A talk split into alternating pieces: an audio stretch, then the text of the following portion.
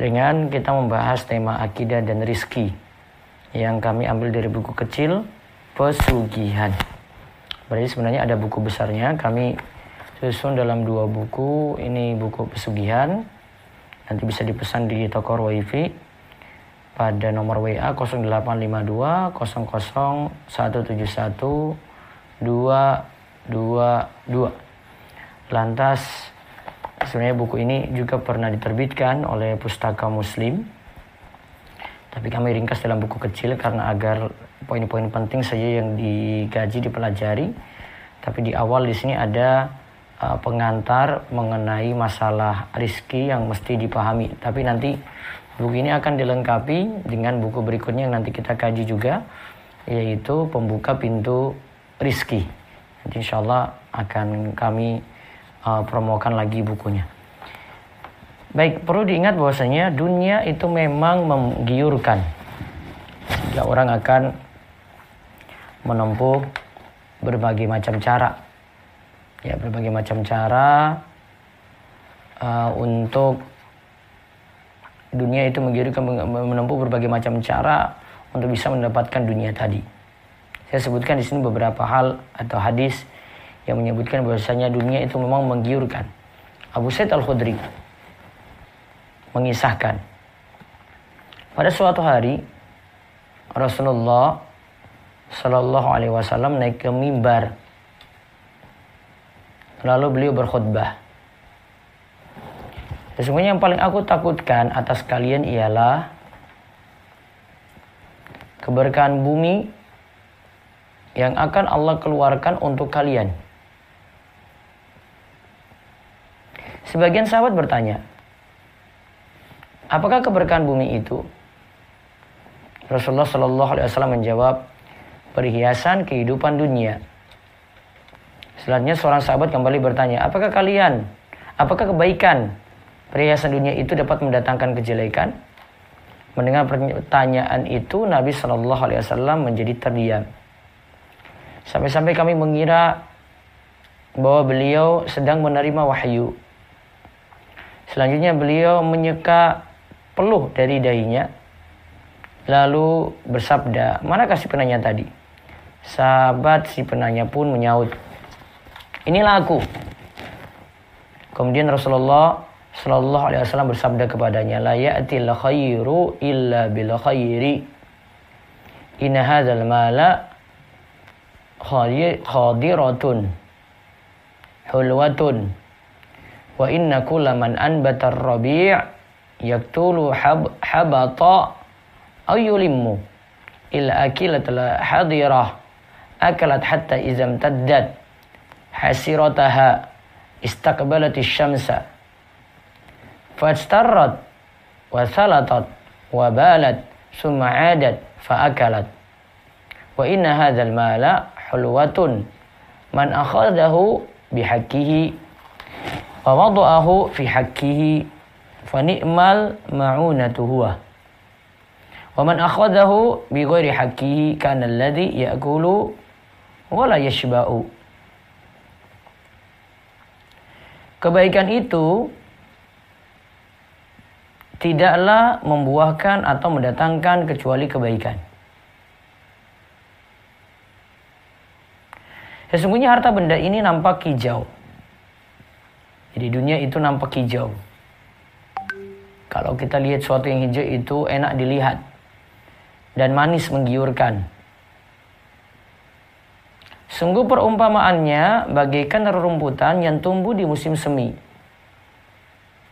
Ya, rumput yang tumbuh di musim semi. Betapa banyak rumputan yang tumbuh di musim semi menyebabkan binatang ternak mati kekenyangan hingga perutnya bengkak. Dan akhirnya mati atau hampir mati. kecuali binatang yang memakan rumput hijau. Ia makan hingga ketika perutnya telah penuh. Ia segera menghadap ke arah matahari. Lalu memamahnya kembali. Kemudian ia berhasil membuang kotorannya dengan mudah dan juga kencingnya. Untuk selanjutnya kembali makan. Demikianlah seterusnya. Dan sesungguhnya harta benda ini terasa manis. Barang siapa yang mengambilnya dengan cara yang benar dan membelajarkannya dengan benar pula, maka ia adalah sebaik-baik bekal. Sedangkan barang siapa yang mengumpulkannya dengan cara yang tidak benar, maka ia bagikan binatang yang makan rerumputan, akan tapi ia tidak pernah merasa kenyang hingga akhirnya ia pun celaka karenanya.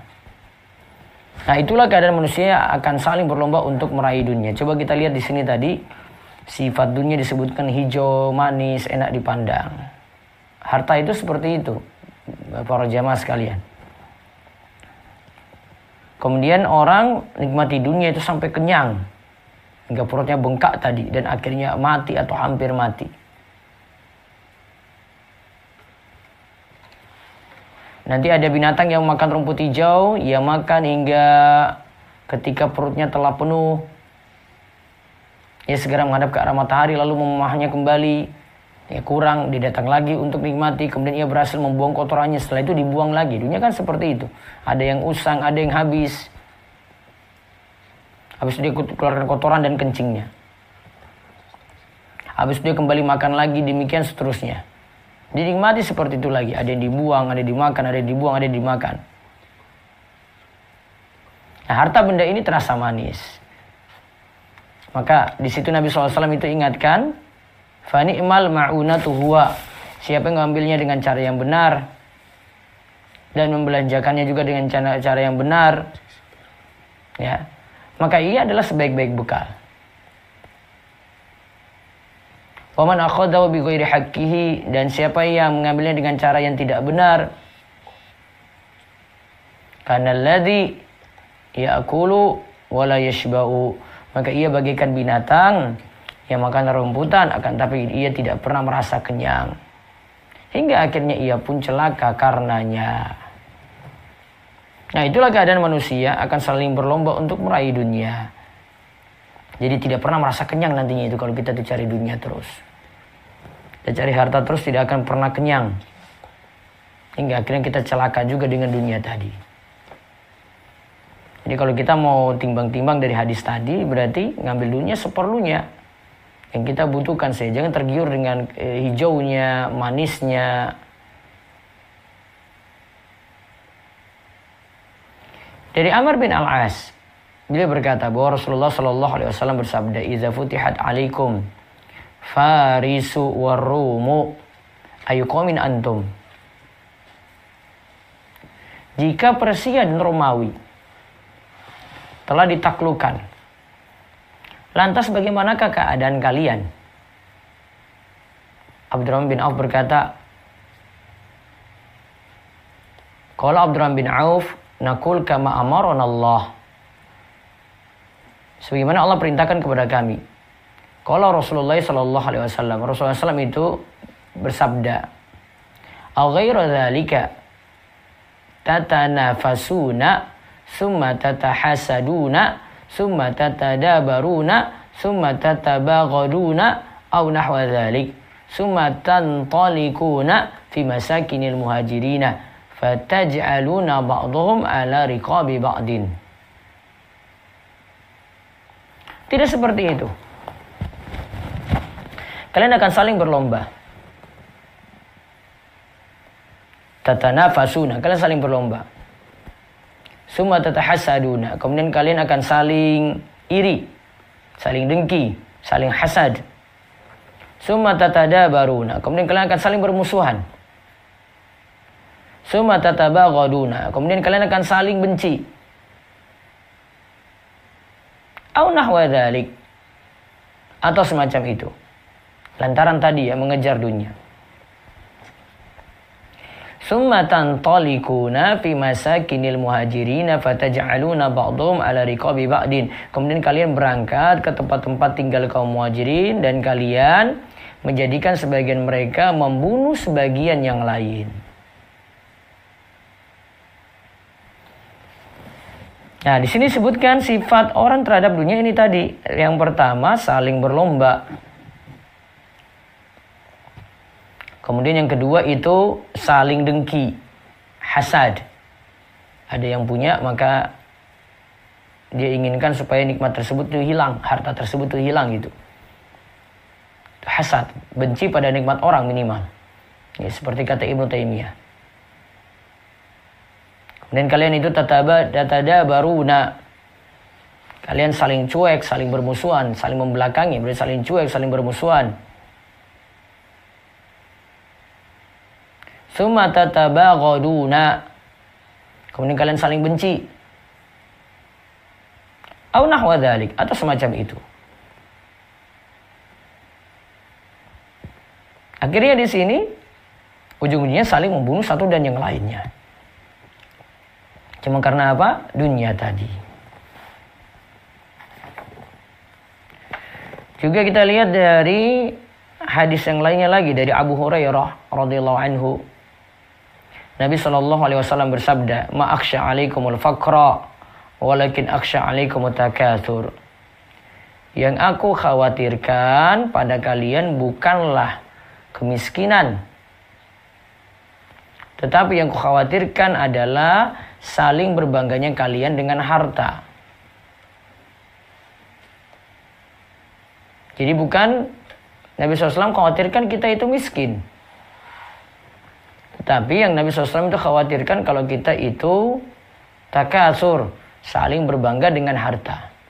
Nah sifat takasur ini yang kita sebut dalam, kita tahu dalam surat At-Takasur ayat, ayat 1 sampai 8 disebutkan Alhaakumut takasur hatta zurtumul maqabir dan seterusnya.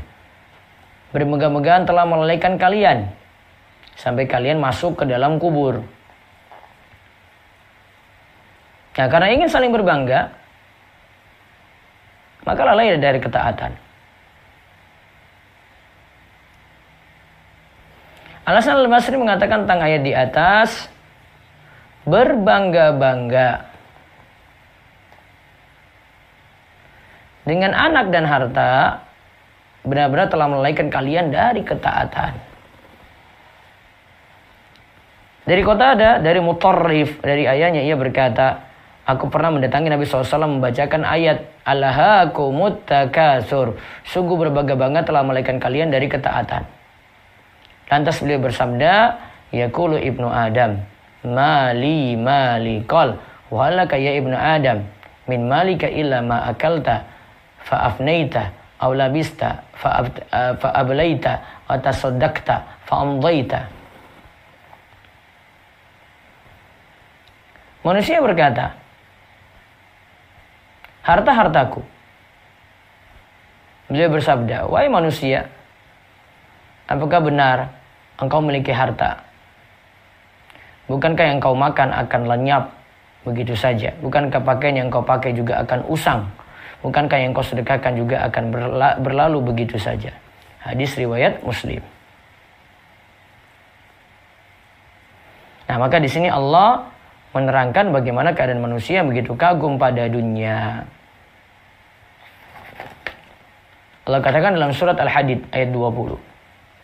I'lamu annama al-hayatud dunya la'ibu wa lahu wa wa bainakum. Fatakasurun fil amwali wal aulad. Kama sali ghaisin. A'jabal kuffara nabatu summa yahiju fatarahu musfarra summa yakunu hutama.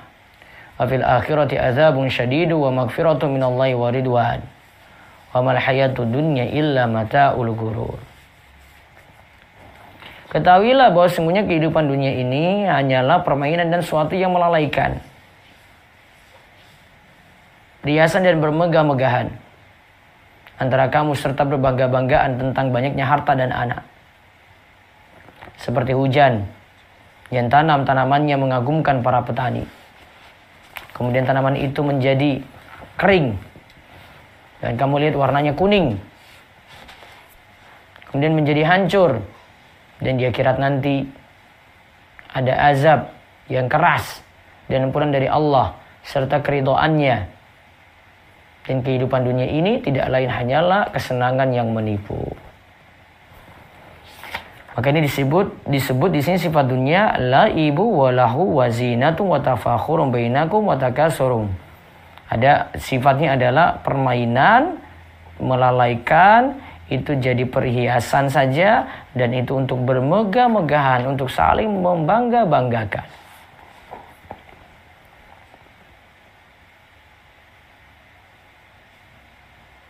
Nah kalau begitu sikap kita terhadap dunia gimana? Sikap kita terhadap dunia adalah menjadikan dunia tersebut sebagai jalan untuk menggapai ridho Allah. Bukan menjadikan dunia itu sebagai tujuan yang kita raih.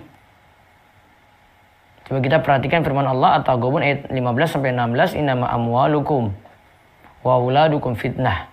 Allah indahu ajrun azim. Fattaqullaha mastata'tum wasma'u wa ati'u wa anfiqu khairan li anfusikum wa may yukashuha nafsi faulaika humul muflihun. Sesungguhnya harta kalian dan anak-anak kalian hanyalah cobaan bagi kalian. Dan si Allah adalah pahala yang besar. Maka bertakwalah kalian kepada Allah. Menurut kesanggupan kalian dan dengarlah serta taatlah dan nafkahkanlah nafkah yang baik untuk diri kalian. Dan barang siapa dipelihara dari kekikiran dirinya, maka mereka itulah orang-orang yang beruntung. Coba lihat di sini sebutkan bagian dari dunia itu ada harta, ada anak. Maka kita disuruh memanfaatkan ya dunia tadi, harta dan anak itu sebagai jalan untuk takwa. Kemudian digunakan untuk taat pada Allah. Kemudian digunakan untuk berinfak. Siapa yang selamat dari sifat pelit? Faula ikamul muflihun. Maka termasuk orang-orang yang beruntung. Begitu pula dunia dicari bukan dengan sikap tamak. Dunia dicari itu bukan dengan sikap tamak. Namun dengan sikap kona'ah.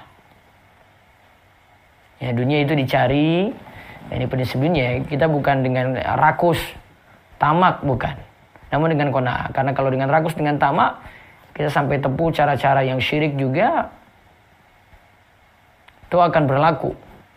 Nah ini nanti kita bahas nih dalam ritual-ritual pesugihan. Kenapa faktor orang itu menempuh pesugihan. Sugi itu kan artinya kaya. Pesugihan berarti jalan untuk cepat kaya gitu. Yang kalau dia cari dunia dengan tamak, dia nggak akan pikirkan ini. Beda kalau dia itu dengan kona'ah. Kona'ah itu merasa cukup terhadap apa yang Allah beri. Nabi SAW pernah berkata kepada Hakim bin Hizam, Ya Hakim, Inna hadzal mala khadiratun khulwatun faman akhadahu bisa khawati nafsin burika lahu fi wa man akhadahu bi israfi nafsin lam yubarak lahu fi kalladhi ya'kulu wa la yashba'u Al-yadul ulia khairum minal yadi sufla. Wahai hakim, sesungguhnya harta itu hijau lagi manis. Siapa yang mencarinya untuk kedermawanan dirinya? Kedermawanan dirinya berarti tidak tamak dan tidak mengemis. Maka harta itu akan memberkahinya. Namun, barang siapa mencarinya untuk keserakahan, maka harta itu tidak akan memberkahinya. Seperti orang yang makan tetapi tidak kenyang. Tangan yang di atas lebih baik daripada tangan yang di bawah. Artinya memberi lebih baik daripada ya orang yang menerima. Banyak-banyak memberi jika kita mampu untuk memberi. Hadis riwayat Bukhari dan Muslim. Ibnu Battal katakan, "Qanaah dan selalu merasa cukup dengan harta yang dicari akan senantiasa mendatangkan keberkahan. Sedangkan mencari harta dengan ketamakan, maka seperti itu tidak mendatangkan keberkahan. Keberkahan pun akan sirna. Jadi ingat di sini eh, harus kita memiliki sikap kona'ah di sini. Namun kalau kita cari harta itu dengan tamak, tidak akan datang berkah malah keberkahan itu akan sirna karena orang yang tamak pada harta ini akan menempuh cara apa pun supaya harta tersebut diperoleh. Nah, sekarang mengenai beberapa ritual pesugihan di tanah air. Ada di kita mulai sebut beberapa ritual di sini. Um,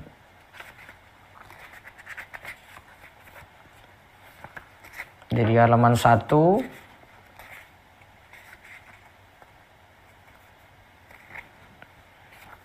sampai halaman 11 ya. Kita lihat dulu satu persatu. Monggo ritual persugihan di tanah air dibaca. Pesugihan lewat monyet atau kera. Nah, ada pesugihan lewat monyet atau kera.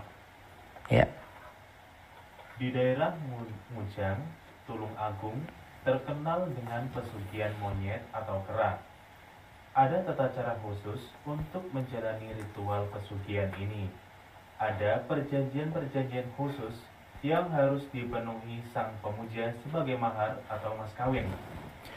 Di antara syarat yang harus dipenuhi dalam pesugihan ini adalah wajib memberi tumbal kepala makhluk gaib kepada kepada makhluk gaib yang menguasai makam ngujang selama si pemuja masih hidup. Ya di sini ya eh, ritualnya itu ada pesugihan lewat monyet atau kera ada mas kawin yang mesti dipenuhi. Mahar mas kawin.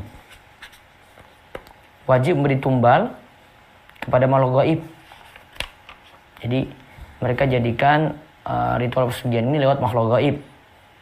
Makhluk gaib ini dinyatakan menguasai makam mujang selama si pemuja itu masih hidup. Terus. Selanjutnya, dari zaman ke zaman, makam mujang atau ketekan dijadikan tempat mencari pesugihan.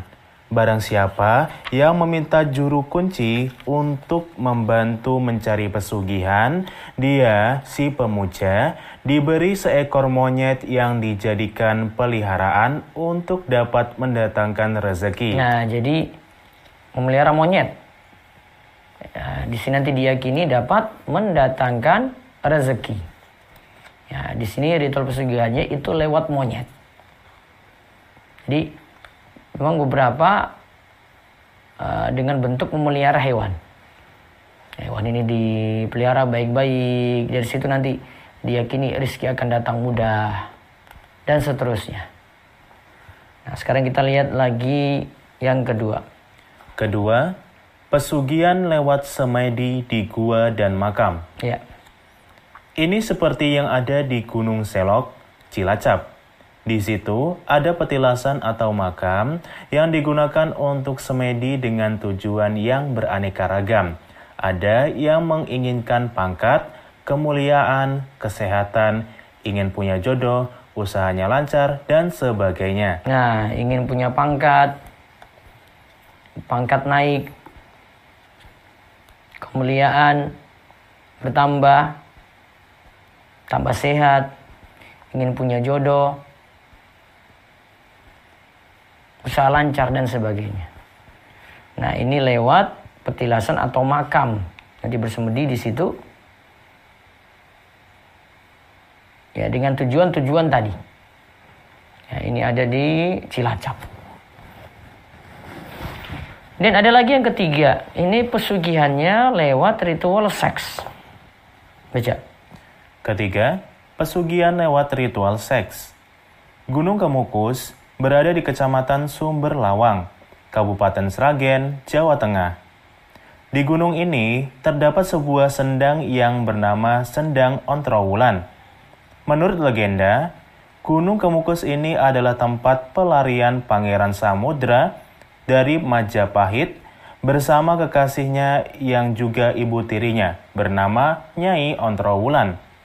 Nyai Ontrowulan sering mandi di sendang tersebut Mencuci muka dengan air sendang ini dipercaya bisa membuat awet muda.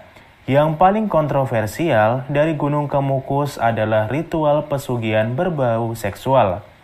Untuk mendapatkan hasil maksimal, konon para pencari pesugihan harus berhubungan seks dengan lawan jenis yang juga sedang mencari pesugihan. Lawan jenis ini bisa jadi bukan suami istrinya, suami atau istrinya.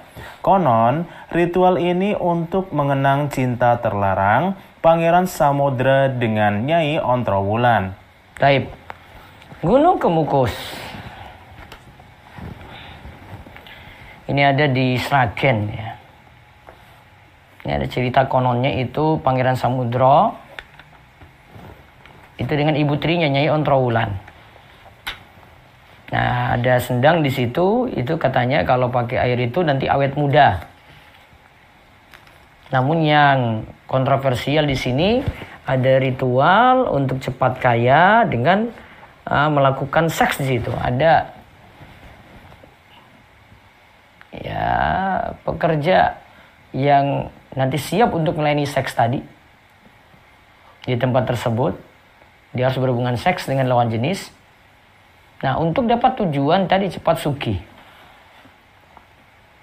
Bisa jadi lawan jenisnya sini dengan uh, bukan suami atau istrinya. Ya.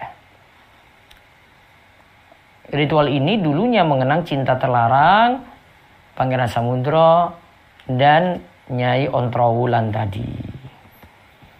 Nah ini ini ritual yang aneh lagi, malah ini dengan maksiat. Tapi kalau orang itu sudah ingin cepat suki, ingin cepat kaya, dia tidak memikirkan ini maksiat atau tidak. Ya pokoknya uh, itu diperoleh sudah, walaupun aneh, ya walaupun melanggar aturan syariat, ya dengan berzina bersama perempuan lain, yang penting utangnya cepat lunas, dia cepat suki. Nah, terus lagi ada empat. Keempat, pesugihan lewat ngalap berkah pada pohon, benda pusaka, atau bahkan lewat kotoran hewan.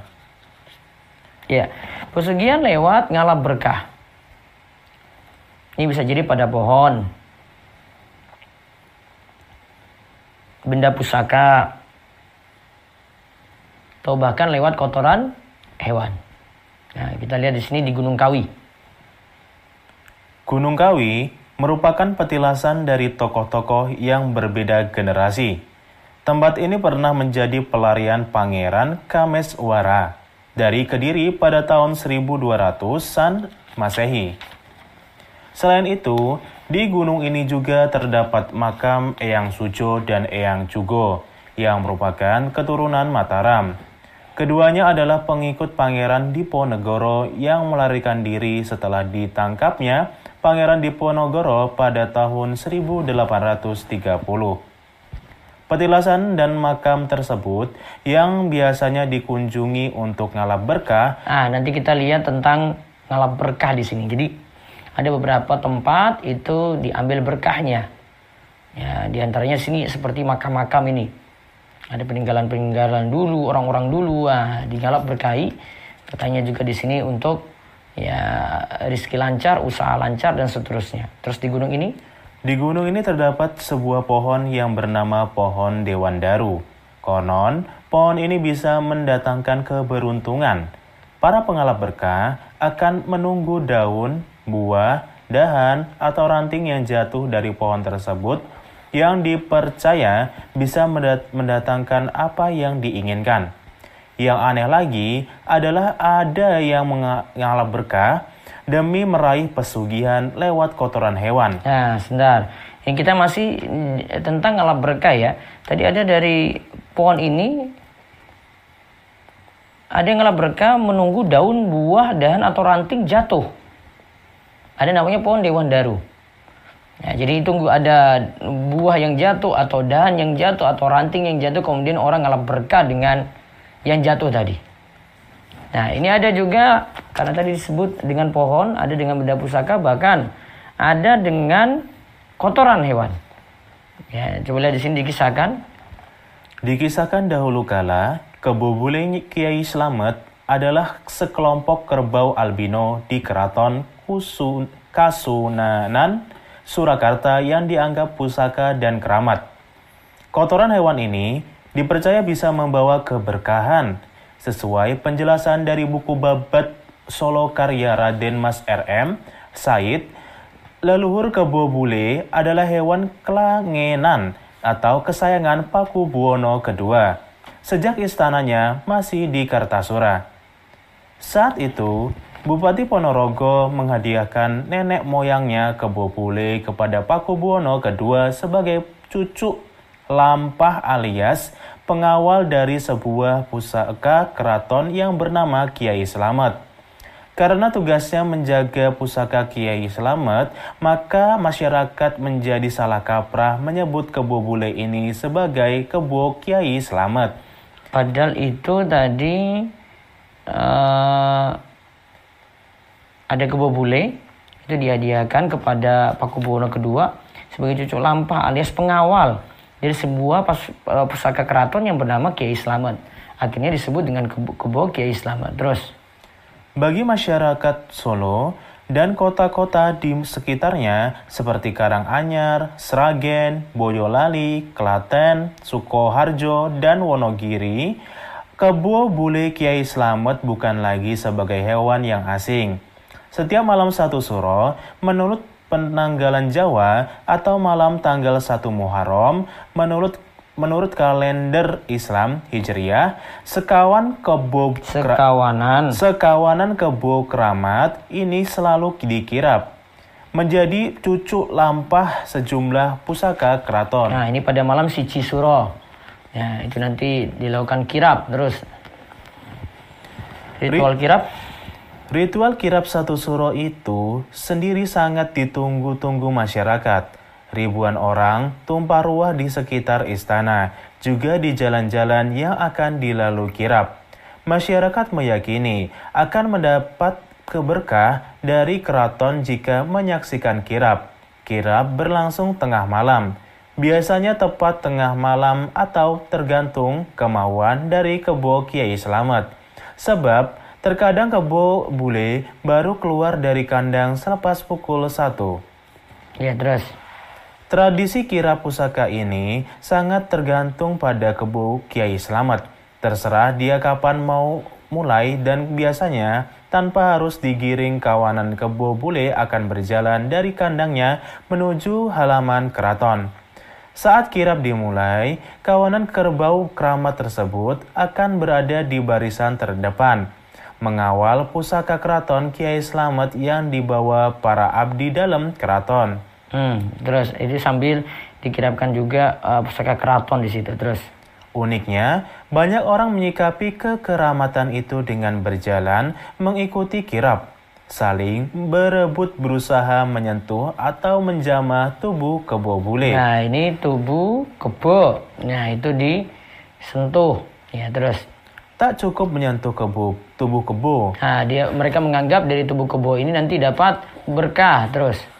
Orang-orang terus orang-orang tersebut terus berjalan di belakang kerbau, menunggu sekawanan kebo bule buang kotoran. Begitu kotoran jatuh ke jalan, orang-orang pun saling ber, berebut mendapatkannya. Nah, begitu kotoran itu jatuh ke jalan, orang-orang pun saling berebut untuk mendapatkannya. Terus. Saat ini kebo bule keraton berjumlah 12 ekor. Namun, kebobule yang dipercaya sebagai keturunan asli Kiai Slamet sendiri hingga saat ini hanya tersisa enam ekor. Mereka adalah Kiai Bodong, Joko Semengit, Debleh Sepuh, Manis Sepuh, Manis Muda, dan Debleng Muda. Kiai Bodong biasanya yang memimpin kirap karena dia sebagai jantan tertua, keturunan murni Kiai Slamet disebut keturunan murni karena mereka dan induk-induknya tidak pernah berhubungan dengan kerbau kampung. Nah, itu dengan ritual ngalap berkah. Ngalap berkah ini ada pada pohon, ada pada benda pusaka atau bahkan lewat kotoran hewan. Satu lagi kita sebut di sini ada pesugihan lewat tumbal sembelian dan sesajen. Ya, dibaca. Kelima, pesugihan lewat tumbal, se sembelihan dan sesajen. Gunung Serandil yang terletak di Kecamatan Adipala, Cilacap, Jawa Tengah ini menyimpan banyak kisah dan mitos. Selain dipercaya sebagai petilasan tokoh-tokoh sejarah seperti Kunci Sari dan Danasari yang merupakan pengikut Pangeran Diponegoro, Gunung ini juga diyakini menjadi petilasan tokoh-tokoh mitologis Jawa, seperti Hanoman dan Eyang Semar. Para pencari berkah biasanya datang ke gunung ini dengan membawa berbagai sesajen, baik berupa bunga-bungaan hingga sembelihan seperti ayam atau kambing. Pesugihan jenis ini dapat pula ditemui di Gunung Merapi. Merapi sejak dulu menyimpan sejuta misteri. Gunung teraktif di dunia ini menjadi tempat yang banyak dikunjungi para peziarah. Di antara mereka, ada yang datang untuk mencari jalan pintas untuk kaya.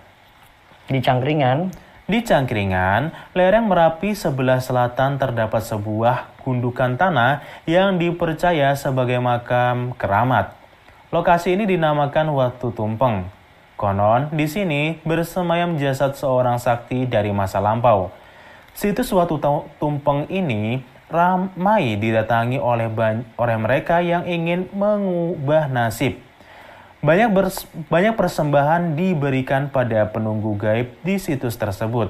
Konon, tempat ini memang tidak meminta tumbal fisik bagi mereka yang berhasil. Meski secara fisik tidak meminta tumbal, namun secara rohani mereka yang meminta di tempat tersebut telah menyerahkan jiwa mereka kepada pada kekuatan lain selain Allah. Nah, lihat di sini ada pesugihan lewat ada tumbal. Tumbal ini berarti nanti sembelihan. Sembelihan kepada selain Allah. Nanti kita akan lihat kesyirikannya itu di mana. Terus ada juga berupa sesajen. Ya. Gunung Serandil ini ada di Jawa Tengah, Cilacap Jawa Tengah. Ini ada di situ petilasan tokoh sejarah. Juga ada petilasan tokoh-tokoh mitologis Jawa. Ada di situ dikatakan petilasan Hanoman dan Eyang Semar. Nah, para pencari berkah biasa datang ke gunung ini bawa sesajen Nah, biasanya mereka sudah tahu nih sajian apa itu yang mesti diserahkan. Baik berupa bunga-bungaan hingga sembelian seperti ayam atau kambing. Tidak ada yang berupa bunga. Nah, kalau sembelian di sini, wah ini jadi masalah juga ini sembelian. Karena nanti kan di sembeliannya itu ada dua dua kriteria sembelian ya. Ada sembelian harus niatannya untuk Allah, kemudian ya, sembelian ini tujuannya untuk apa? Jadi dilihat dari eh, maaf ya, sembilan ini bacanya pakai nama apa ketika disembeli, kemudian tujuannya untuk apa? Ya, sembilan ini dibaca ketika disembeli itu pakai Bismillah, kemudian tujuannya untuk apa yang benar untuk Allah. Namun kalau dia baca dengan nama selain Allah atau ditujukan pada selain Allah jatuh dalam syirik. Ya, di sini ada di sesuai dengan permintaan ada berupa ayam, ada berupa kambing. Ada juga di Gunung Merapi. Ya, di sini ada para peziarah datang untuk cari kaya lewat petilasan. Ada juga di Cangkringan lereng Merapi itu ada makam keramat di situ. Ya, jadi ada sesaji nanti yang disajikan untuk makam keramat tadi. Juga ada uh, yang diberikan di sini sesembahannya pada penunggu gaib dari situ tersebut walaupun tidak minta tumbal ada sembahan yang nanti diserahkan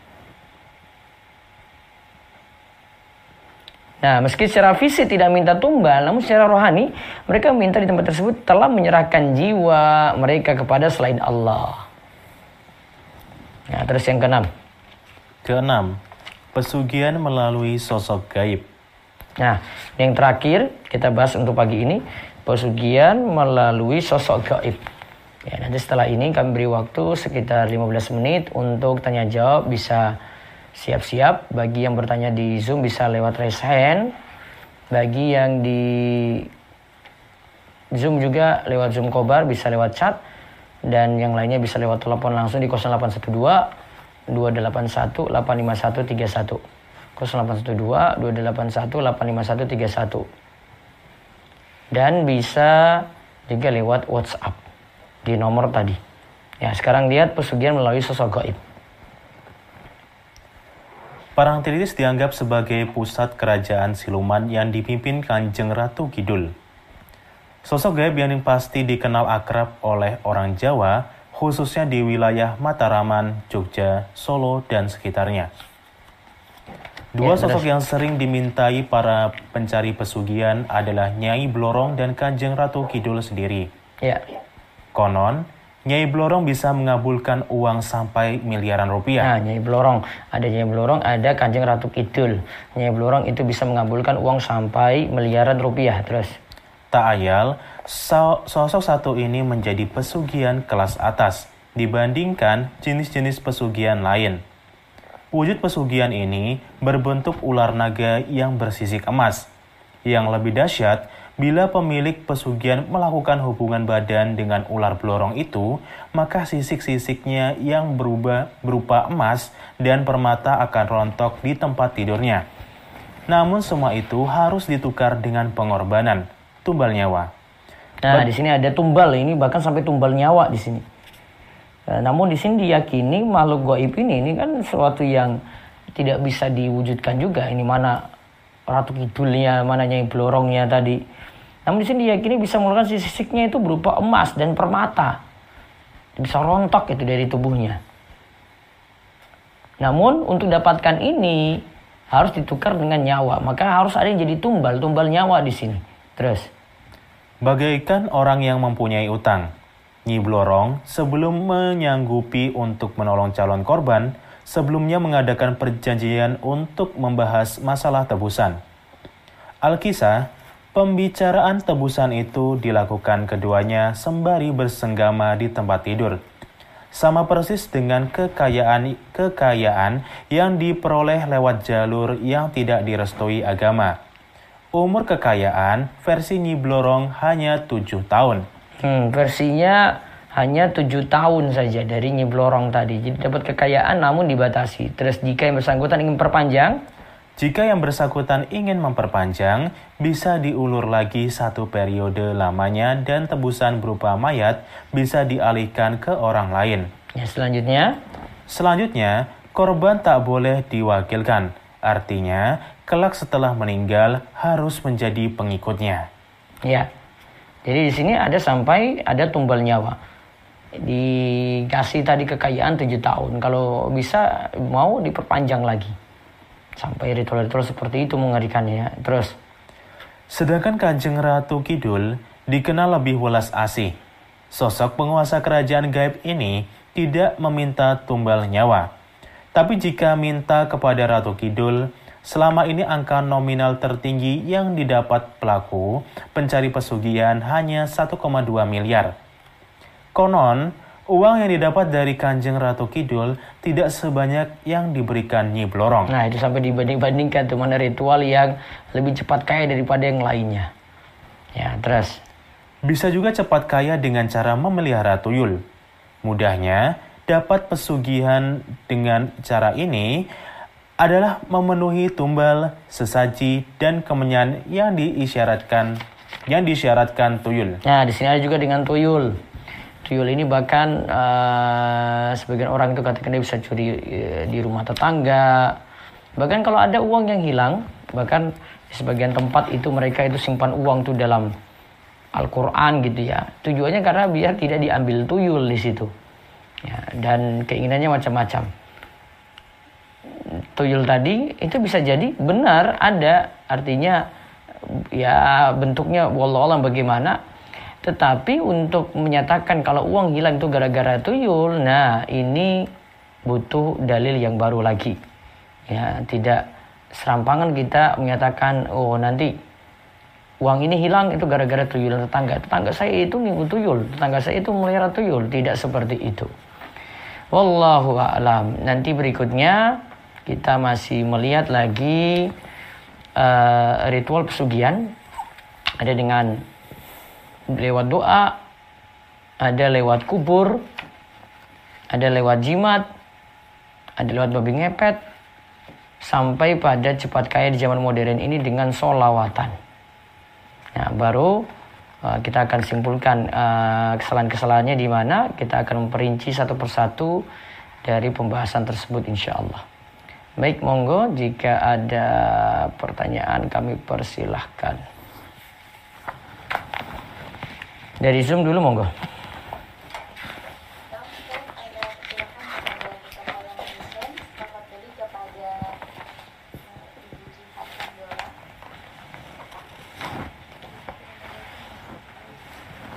Ya, Waalaikumsalam warahmatullahi wabarakatuh. Silakan. Saya mau bertanya, kalau mama menanggung PKK gitu Ustaz. Jadi kayak ini kan juga.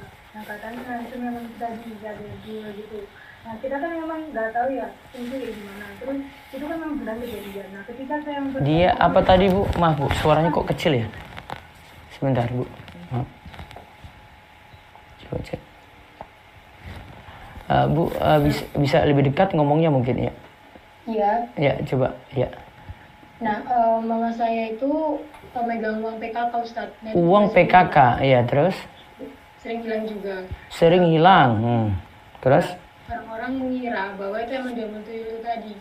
Hmm. Itu kan kejadian, kejadian itu. Nah ketika saya mempercayai iya memang ada, apakah itu termasuk kesyirikan Ustaz? Iya, makanya tadi saya bilang bisa jadi iya benar ada yang mengambil itu lewat tuyul katanya. Ya makhluk goib lah. Bisa jadi juga kita hanya seuzon pada orang gitu. Sehingga harus ada bukti mau menuduh ini makhluk goib, menuduh itu orang. Nah, itu harus ada bukti. Kalau tidak ada ya kita kita koreksi diri saja daripada menuduh yang di luar kita gitu untuk eh, apa mencuri atau mengambil uang tadi itu. Oh gitu. Iya, nggak boleh, nggak boleh langsung nuduh. Wah, ini jangan-jangan ada yang punya tuyul nih ambil, nggak boleh. Karena harus ada bukti untuk itu. Kita kan tidak, ya, kalau ada eh, sesuatu kan harus ini fatabayanu harus cross check dulu. Ya benar-benar ditelusuri gitu sehingga tidak mudah memfitnah orang, tidak tidak boleh seuzon pada orang, tidak boleh banyak-banyak curiga gitu. Itu aturannya. Oh. Lalu bagaimana Ustadz kalau misalnya eh, me- mengalahkan hal tersebut dengan kayak kesyirikan juga? Kan banyak itu Ustadz.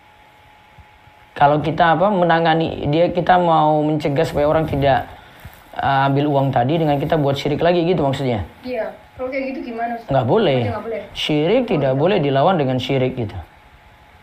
Jadi jangan ada yang punya tuyul kita pelihara tuyul lagi untuk lawan tuyul ini biar nggak ambil gitu. Nggak boleh. Sama ada yang punya sihir lawannya dengan sihir karena lawan mudorot dengan mudorot nggak boleh Oh, Oke, siap Ustadz. Iya. Pertanyaan terakhir Ustadz. iya Apakah ulang tahun itu merupakan pembatal keislaman? ulang tahun melaksanakan ulang tahun Ya, tidak dari sisi apa dikatakan pembatal keislaman ya, ya itu Ustadz meniru orang kafir. Ustadz. Tidak semua meniru orang kafir membatalkan keislaman. Meniru orang kafir ada beberapa bentuk. Ada karena me- membenarkan keyakinannya, diakui yang lain itu agamanya lebih bagus daripada Islam, dia Islam itu masih kalah dengan yang lainnya. Kalau ini dia kafir karena meyakini ada keyakinan selain Islam yang lebih baik gitu, nggak boleh. Namun kalau bentuknya cuma sekadar oh, ulang tahun, oh, dia rayakan tahun baru, ya ini tidak sampai derajat syirik, tidak sampai derajat kafir juga, tidak sampai mengeluarkan dari Islam juga. Cuma dia lakukan perbuatan yang seharusnya tidak dilakukan oleh seorang muslim karena seorang muslim itu harus punya prinsip lakum dinukum waliyadin. Ya bagi kalian agama kalian, bagi kami agama kami gitu ya. Sudah kamu jalani syariatmu sendiri, kita nggak ikut-ikut. Terus punya prinsip juga tidak boleh tasyabbuh, man tasyabbah biqaumin fahuwa minhum. Siapa yang menyerupai suatu kaum maka dia termasuk bagian dari mereka. Gitu. Siap Ustadz, jazakallahu khairan. Wa iyyakum. Baik, berikutnya lagi silakan. Selanjutnya tafadholi kepada uh, Ibu Hani Abu Ubay. Oh, Bapak. Assalamualaikum Ustaz. Waalaikumsalam warahmatullahi wabarakatuh. Ustaz mau tanya Ustaz. Kalau misalnya tadi kan misalnya dia menjadi pesugihan ya Ustaz ya. Misalnya nyawa seseorang itu menjadi pesugihan Ustaz ya. Itu apakah dia itu sudah ditakdirkan Allah bahwa dia itu meninggal penyebabnya gara-gara pesugihan Ustaz. Jadi sebelum dia dilahirkan apakah itu sudah ditentukan seperti itu Ustaz? Ini sudah masuk dalam takdir. Bukan, jadi jangan kalimatnya sudah ditentukan seperti itu. Iya, sudah masuk dalam takdir. Biar nggak salah paham. Nanti dikira, oh sudah seperti itu berarti dipaksa. Nggak boleh. Bilang itu dipaksa, saya berbuat syirik itu nggak boleh. Oh gitu. Dia jadi pilihan. Jadi Allah sudah tahu dan itu pilihan dia. Jadi kalimatnya nggak boleh bilang ya ya sudah ketentuannya seperti itu. Ya ketentuan seperti itu tapi itu pilihan dia gitu untuk berbuat syirik. Oh iya iya. Jadi nggak boleh bilang dia sudah buat syirik ya itu sudah jadi takdir Allah. Iya itu takdir, tetapi atas pilihan manusia juga gitu. kalau misalnya dia yang menjadi tumbalnya itu Ustaz kan kadang kan ada juga dia itu semacam tumbal secara eh, apa eh, jalur apa secara keturunan Ustaz dia misalnya dia ditumbalkan Iya. misalnya anak ini ditumbalkan ini kan selaku misalnya kita selaku misalnya dia sebagai cicit ya kita Iya. kan nggak tahu mbah canggahnya itu dia itu me- menumbalkan si cicitnya itu kan kita juga nggak tahu lah Iya. itu bagaimana Ustadz ya apakah itu uh, termasuk kita itu didolimi atau Iya dizolimi tadi akhirnya cicitnya yang jadi korban gitu nggak boleh. Memang ini dari eh, kadang itu turunkan khodam, turunkan apa apa tuh dari simbah-simbahnya dulu itu bisa. Jadi sampai anak ini kalau dia itu bisa menerawang juga punya apa indra keenam itu apa disebut apa? Indigo ya. Indigo ya dia indigo itu bisa itu karena dari atasnya itu bisa. Jadi ada yang diturunkan dari atas tuh seperti itu mungkin saja. Dan dia ditumbal seperti itu solusinya si cicit ini harus perkuat iman, harus punya tauhid yang benar baru bisa selamat. Kalau enggak dia bisa terpengaruh dengan ilmu-ilmu hitam tadi. iya Ustadz Ustadz satu lagi Ustadz Iya. misalnya kalau misalnya eh, di suatu perusahaan Ustadz ya ini kan di tempat saya itu kan ada bangunan bangunan itu dia itu udah eh, dipakai untuk ke- apa di pabrik sih Ustadz lah kan sebelumnya itu kan sebelum saya terima itu perusahaan saya ke sebelumnya itu dari Cina Ustadz nah dari Cina itu konon itu katanya ya itu ada di suatu bangunan itu ada bangunan yang di bawahnya tanahnya itu ditanam kepala kerbau Ustaz. Itu udah dari Cina-nya dulu. Nah kalau misalnya kita selaku pimpinan ya Hmm, jadi sudah dulu di- dilakukan itu ya. Ya sudah sudah ditanam, gimana lagi? Yang penting tidak punya keyakinan berikutnya harus tanam lagi gitu. berarti nggak nggak perlu dibongkar atau gimana nggak usah ya Ustaz ya Iya agak sulit kan? iya karena kan nggak bisa off ya Ustaz maksudnya eh, pabriknya nggak bisa mati Iya nggak bisa.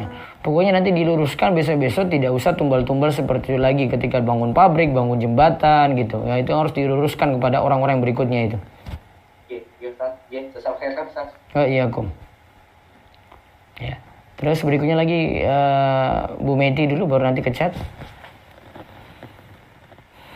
Nah, tafadhali kepada Ibu Meti Kamelia. Apa Ustaz? Assalamualaikum. Waalaikumsalam warahmatullahi wabarakatuh. Silakan. Apa Ustaz gini, ini kejadian anak eh, antara masuk akal dan nggak masuk akal.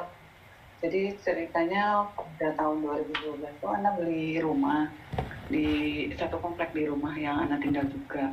Iya. Pada rumah itu setelah proses eh, jual beli dan eh, selesailah melalui bank dulu waktu anak juga masih bekerja di Ribawi. Terus eh, beda berapa hari setelah rumah itu menjadi milik anak itu anak itu mimpi Ustaz. Anak itu mimpi. Anak itu mimpi melihat eh, masuk ke rumah tersebut rumah yang dibeli. Padahal kenyataannya anak tuh memang eh, ke rumah itu tuh belum apa belum berani gitu sebetulnya. Belum belum pernah ke rumah itu gitu. Nah eh, dalam mimpinya itu Ustaz itu Ana melihat makhluk-makhluk berterbangan gitu kan.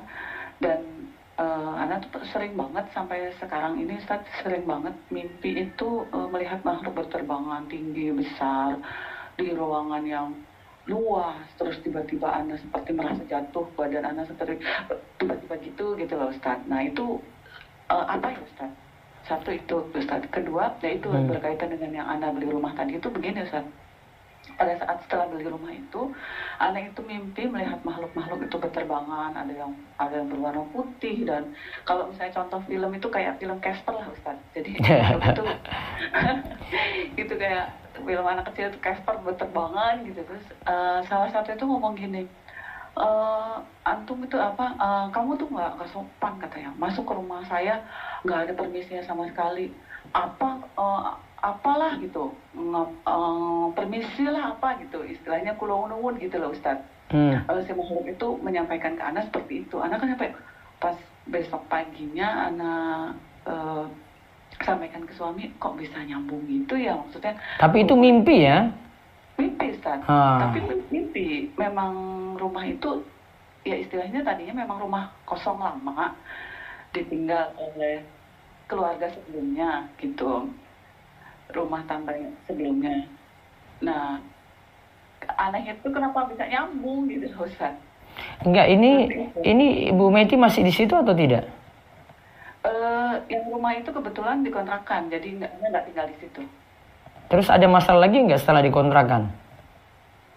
Eh, masalahnya nggak ada sih. Cuman memang kalau kalau menurut Ana ya saat kalau misalnya Ana masuk ke rumah itu karena kebetulan waktu pas baru beli itu se- eh, kosong agak kurang nyaman buat Ana gitu loh. Kayak apa ya kalau kalau bahasa Jawanya suwung gitu loh Ustaz sungil Hmm. gitu loh. Hmm, hmm. nah gitu. Jadi Ana kurang kurang nyaman kalau ke situ gitu. Tapi orang lain nggak masalah nggak cerita-cerita seperti Bu Meti cerita tadi? enggak Nggak berarti mungkin kan, kan mungkin mereka orang luar kota orang ngontrak mungkin eh ya nggak tahu Ustaz Eh, nggak pernah dengar ada keluhan apa gitu yang kontraknya sih gitu ya sudah berarti sebenarnya nggak ada masalah itu. kalau yang mimpi itu gimana Ustaz? Ya cuma bawaan aja sepertinya. Hmm, tapi waktu itu akhirnya nanti gini Ustaz eh, apa manggil Ustaz terus kita ngaji di rumah itu gitu gitu gimana? Ya penting kalau ibu tinggal di situ Ya. baca al-baqarah ya sampai hatam.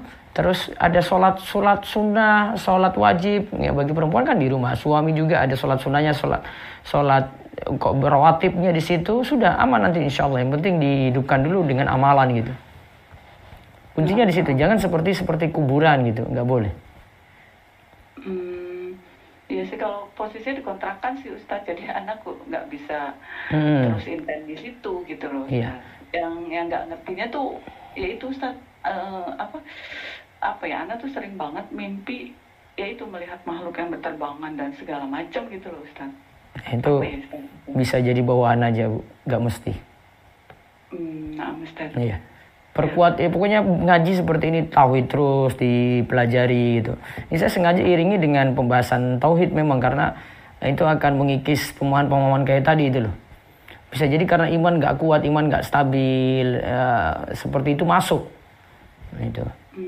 Beda dengan orang imannya sudah dia tauhidnya bagus, terus eh, imannya bagus, jarang dia mimpi-mimpi kayak begitu. Iya anak sering sekali Ustadz sering Hmm. sekali.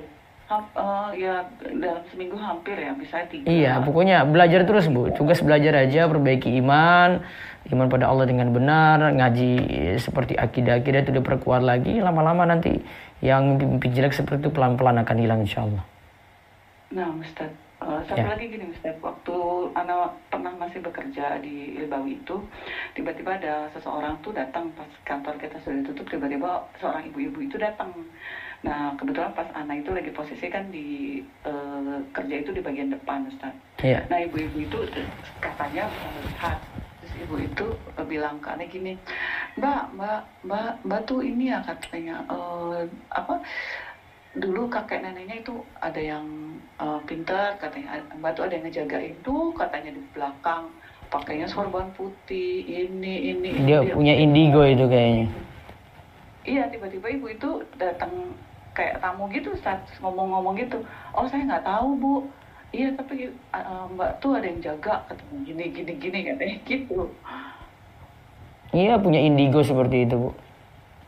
hmm, tapi wajib di Enggak, enggak usah diyakini, enggak usah. Ibu perkuat iman saja, jaga diri, eh, baca zikir gitu. Insya Allah enggak ngaruh yang tadi gangguan-gangguan seperti itu. Hmm, nah, Ustaz. Iya. Apa pada saat kalau berlebihan nggak kalau misalnya alhamnya anak itu kayak sekarang tuh kan sedang pandemi nih Ustaz ya. Eh, anak tuh alham kadang aduh kalau ketemu orang jadi eh, takut ke ke ke, ke Kayak saya pernah jawab waktu itu, Bu, itu cuma bawaan aja, tapi ya dari sisi satu sisi bagus, dari sisi yang lain ya jangan jangan punya rasa khawatir yang besar seperti itu. Oh, cara menghilangkannya gimana Ustaz? Iya. Kalau kondisi pandemi sih memang kayak begitu sih, Bu. Hmm, eh, maksudnya itu masih taraf wajar atau Ustaz? Taraf wajar, iya. Hmm, nah Ustaz. Ya, itu aja Ustaz. Iya. Kesempatan untuk yang lain. Iya, monggo. Assalamualaikum Ustaz. Waalaikumsalam warahmatullahi wabarakatuh. Waalaikum. Baik, bisa di coba yang di chat dulu, monggo. Ustaz, Anda bacakan pertanyaan lewat chat. Bismillah. Ustadz mau bertanya, di rumah Ana sepertinya ada rajah yang masih menempel di tempat-tempat tertentu. Sebaiknya diapakan ya Ustadz? Jazakallah. Diambil, dimusnahkan saja, dibakar begitu. Kalau itu tulisan Arab dibakar saja nggak apa-apa. Jadi jangan sampai dibiarkan nanti ada yang pakai lagi. Atau ada yang punya ya bisa dihilangkan jadi tidak mudarat pada yang lain. Wallahu a'lam. Terus. Satu lagi chat. Selanjutnya Ustadz, bagaimana membedakan orang yang meninggal disebabkan karena sihir dengan orang yang meninggal disebabkan karena ain? Karena ayah saya meninggal dan e, ada yang menyampaikan bahwa beliau terkena sihir. Apakah bisa dipercaya Ustaz? Jazakallah bisa saja ada yang punya kekuatan seperti itu sampai meninggal sihir itu bisa buat orang sampai mati ya. Tapi harus ditelusuri dulu itu benar ataukah tidak gitu. Kita cuma dengar-dengar kabar tapi harus dipastikan karena nanti kita akan menuduh orang yang bukan-bukan. Wallahu a'lam. Baik satu lagi lewat chat. Nah Ustaz bagaimana hukum bagi pelaku-pelaku pesugihan yang disebutkan tadi? Dan bagaimana kita ber, bermuamalah dengan yang bersangkutan semasa hidup dan wafatnya. Perlu diingat kalau uh, ritual-ritual yang tadi kami sebut, nanti kesimpulan akan saya sebutkan besok. Ada berupa syirik, ada yang syirik akbar keluar dari Islam, ya ada yang syirik asgor, syirik kecil, ada yang masuk dalam dosa besar, ada yang masuk dalam bid'ah. Jadi macam-macam. Maka saya tidak pukul rata semuanya syirik, musyrik enggak karena ada yang cuma sampai bid'ah saja. Artinya dia tetap berdosa. Ya.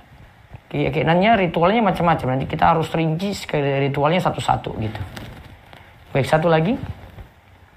Nah, Ustadz. Uh, Assalamualaikum Ustadz. Waalaikumsalam warahmatullahi wabarakatuh. Apakah juga termasuk syirik ketika takut uang hilang di situ ditaruh sejenis uang logam dari seorang kiai karena sering sekali kehilangan uang kemudian ia dengan cara itu agar uang tidak hilang lagi. Kayaknya tadi saranin apa? E, meletakkan sejenis uang logam dari seorang kiai. Jenis uang logam kepada seorang kiai. Nah, uh, yang diminta sama kiai ini nggak usah diturutin. Nanti akan saya bahas besok mudah-mudahan ada ketemu dengan pembahasan tentang uh, apa permintaan-permintaan dari kiai atau ulama gitu. Nanti ada pembahasannya. Satu lagi mungkin terakhir.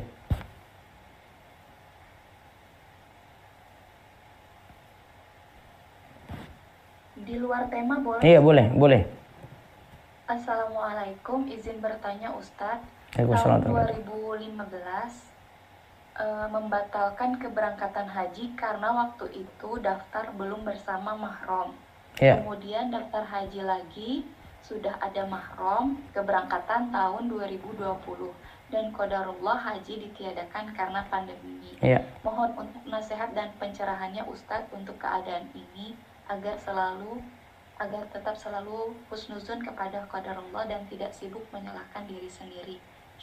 Iya banyak-banyak sabar intinya pahami takdir baik-baik semuanya itu Allah takdirkan dengan baik sehingga uh, tahu hikmah-hikmah kenapa ditunda, kenapa kok tahun depan, kok kenapa enggak saat ini. Ya, keimanan pada takdir diperbaiki. Itu nanti akan jadi solusi. Wallahu a'lam. Baik, saya baca lewat WA dulu silakan terakhir. Satu. Dari WhatsApp, Bismillah, izin bertanya Ustadz, apa itu uzur bil jahil? Apakah dukun atau pelaku syirik mutlak kita kafirkan? Lihat dulu sudah sampainya ilmu ataukah tidak. Kalau belum sampai, uh, mungkin disikapi di dunia itu seperti apa nanti penyikapan di akhirat berbeda lagi. Wallahu alam. Terus satu lagi? Di luar tema. Ya. Ustadz saya pemilik barang asal Perancis beberapa bulan lalu namun saya karena kurang cocok dengan barang tersebut saya berniat untuk menjualnya ke jasa titip jual dengan sistem fee jika barang laku di TV beberapa bulan lalu, sebelum terjadinya penghinaan terhadap Rasulullah, kodarullah, barang baru terjual kemarin.